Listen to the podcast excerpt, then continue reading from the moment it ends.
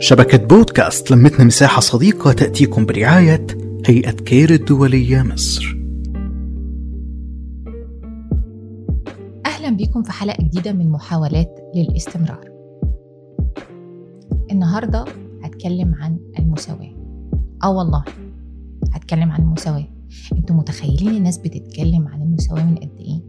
كتير قوي. بس بقى النهاردة معلش هنبص لها من زاوية مختلفة وهنرجع ورا شوية. إزاي؟ دايما إحنا بنتكلم عن المساواة بعد ما كل حاجة خلصت. يعني إيه؟ بعد ما البنات كبرت وخلاص دخلت كمان الدراسة وبتاع. ونبدأ بقى نتخانق في مرحلة إيه؟ إن ليه البنت مثلا ما تشتغلش مهندسة ميكانيكا في في المصنع وفي الورش؟ ليه مثلا مش عارفة ما تشتغلش في أعمال معينة والأعمال دي ليه حكر على الراجل؟ مش عارفة نتكلم عن المساواة في الرواتب في العمل عن إن البنات تاخد حقها من أي حد مثلا آه، يضايقها في الشارع يتحرش بيها مش عارف إيه. إن المساواة في الأعمال المنزلية طالما هما الاتنين بيشتغلوا. طب ما تيجي نفكر من الأول كده من أول ما بيتولد الولد والبنت. ونشوف الثقافة المجتمعية بتتعامل مع ده إزاي. مبدئيا هتلاقي في أسر كتير في أجزاء كتير مثلا من الوطن العربي هم بيحتفوا أكتر بميلاد الولد عن ميلاد البنت. أكيد في شريحة طبعا يعني مثقفة ومحترمة وبتسعد جدا بميلاد البنات لكن أنا بتكلم عن جزء هو موجود وإحنا بنحارب معاه وبنكافح إن إحنا نغير وجهة نظر. ده أول حاجة. بعد كده البنت تبدأ تكبر.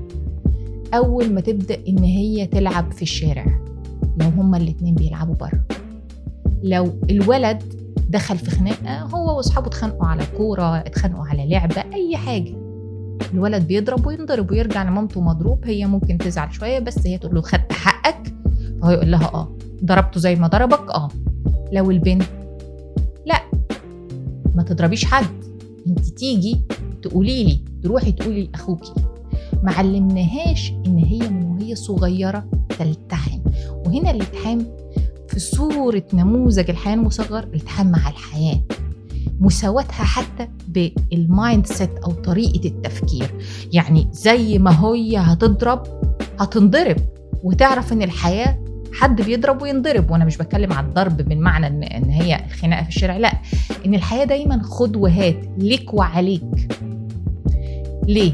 لما بنتعلم من الحياة ليك وعليك بنتعلم إن إحنا ما نكونش دراميين ما ناخدش الأمور بحساسية شديدة ونقعد نعيط ونزعل وناخد فترة كبيرة في الزعل لا أنا فهمت أنا خلاص دلوقتي حصل لي حاجة يبقى أنا هتعامل معاها بشكل عملي.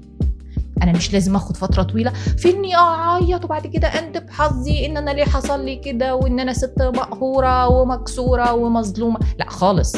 أنا فهمت في اللحظة دي إن أنا في اللحظة دي محتاجة أتعامل مع الموقف مش محتاجة أندب وأعيط وأرثى لحالي وإن أنا أقول يا حرام إن أنا وضعي واحد اتنين تلاتة لأ. أنا فهمت إن أنا لو من أنا صغيرة عندي التفكير ده افهم إن الحياة هو ده نموذج الحياة. حصل لي حاجة باخد رد فعل وبعرف أدافع عن نفسي وخلاص على كده. البنت اللي اتعلمت تضرب وتنضرب وإن هي صغيرة أو تلتحم في الشارع أو تندمج مع الحياة كأنها فرد كامل مش نص اللي هي تروحي تشتكي لحد عشان ياخد لك حقك وتقفي متفرجة حد بياخد لك حقك. هي البنت اللي بعد كده عارفة تدافع عن نفسها وهي في الشارع لوحدها.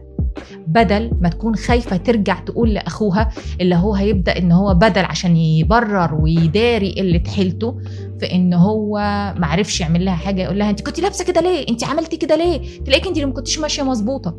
بدل ما هو يا لما ترجع له وتقول أنا خدت حقي أنا الشخص اللي اتحرش بيا في الشارع أنا عرفت أخده على الاسم أشتكيه أنا قلعت اللي في رجلي وضربته ساعتها هي وهو بيأيدها في ده أنا أخدته على الاسم.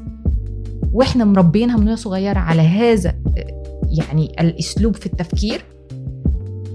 البنت دي مش هيكون عندها كل المخاوف من إن هي في الشارع لما حد يقرب منها تعيط أو تكون تتفزع أو إن هي مش هتكون عارفة إزاي تتصرف يحصل لها الفريز أو اللي هي تتجمد مش فاهمة المفروض تعمل إيه.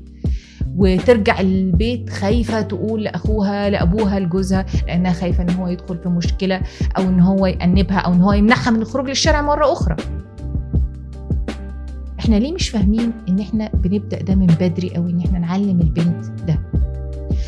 آه، أثناء زيارتي لأمريكا فكنت في في أحد المعاهد الدولية فكانت في آه، أحد ال- السياسيات المرموقات الأمريكية كانت بتحكي إن هي كانت موجودة في مصر في فترة الثمانينات وكان في آه، حملة لمحاربة إيه؟ أنا كنت اتصدمت إن هي بتحكي لي عن هذه الحملة الغريبة.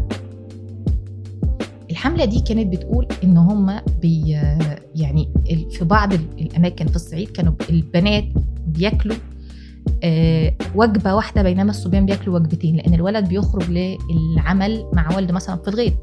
فالبنت قاعدة في الأعمال المنزلية فهي لها وجبة وهم والولد ليه وجبتين فكان بيحاولوا إن هم يحاربوا إن الاثنين ياكلوا قد بعض.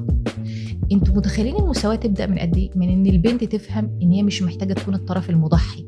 ما هي البنت اللي, اللي اتربت من وهي طفلة صغيرة على إن هي هتاخد آه، يعني وهي كانت مثلا في الثمانينات أو خلينا نقول في السبعينات هي دلوقتي أم مثلا آه، لناس آه، والأطفال هي اتربت على إنها تضحي إنها تضحي بنفسها مقابل الآخرين.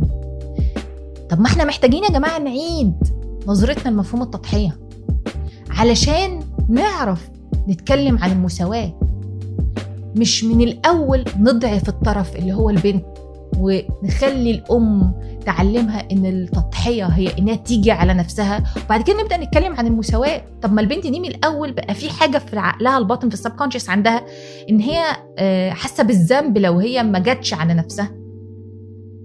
وكمان ما بقتش أصلا فاهمة إن ده حقها إن ده حق أصيل إنها تدافع عن نفسها إن هي تمشي في الشارع زيها زي الراجل إن هي تاخد مرتب زيها زيه. إنها بتدافع فرد لفرد إنسان لإنسان. محتاجين كمان نبص إن المساواة هنا ملوش علاقة يا جماعة بإن بإن إحنا نبدأ ندخل المواضيع دي في أمور دينية لأ. إحنا بنتكلم عن الحقوق الأصيلة البسيطة اليومية في الحياة. لما نبدأ نعلم بناتنا من هم أطفال إنك إنسان زيك زي الولد إن كنتوا الاتنين بشر مش مش إحنا مقسمينكم درجات هنفهم في اللحظة دي المعنى الحقيقي للمساواة. شكرا لكم منتظركم الحلقة القادمة. كانت معكم رشا نحكي. نتشارك نتواصل.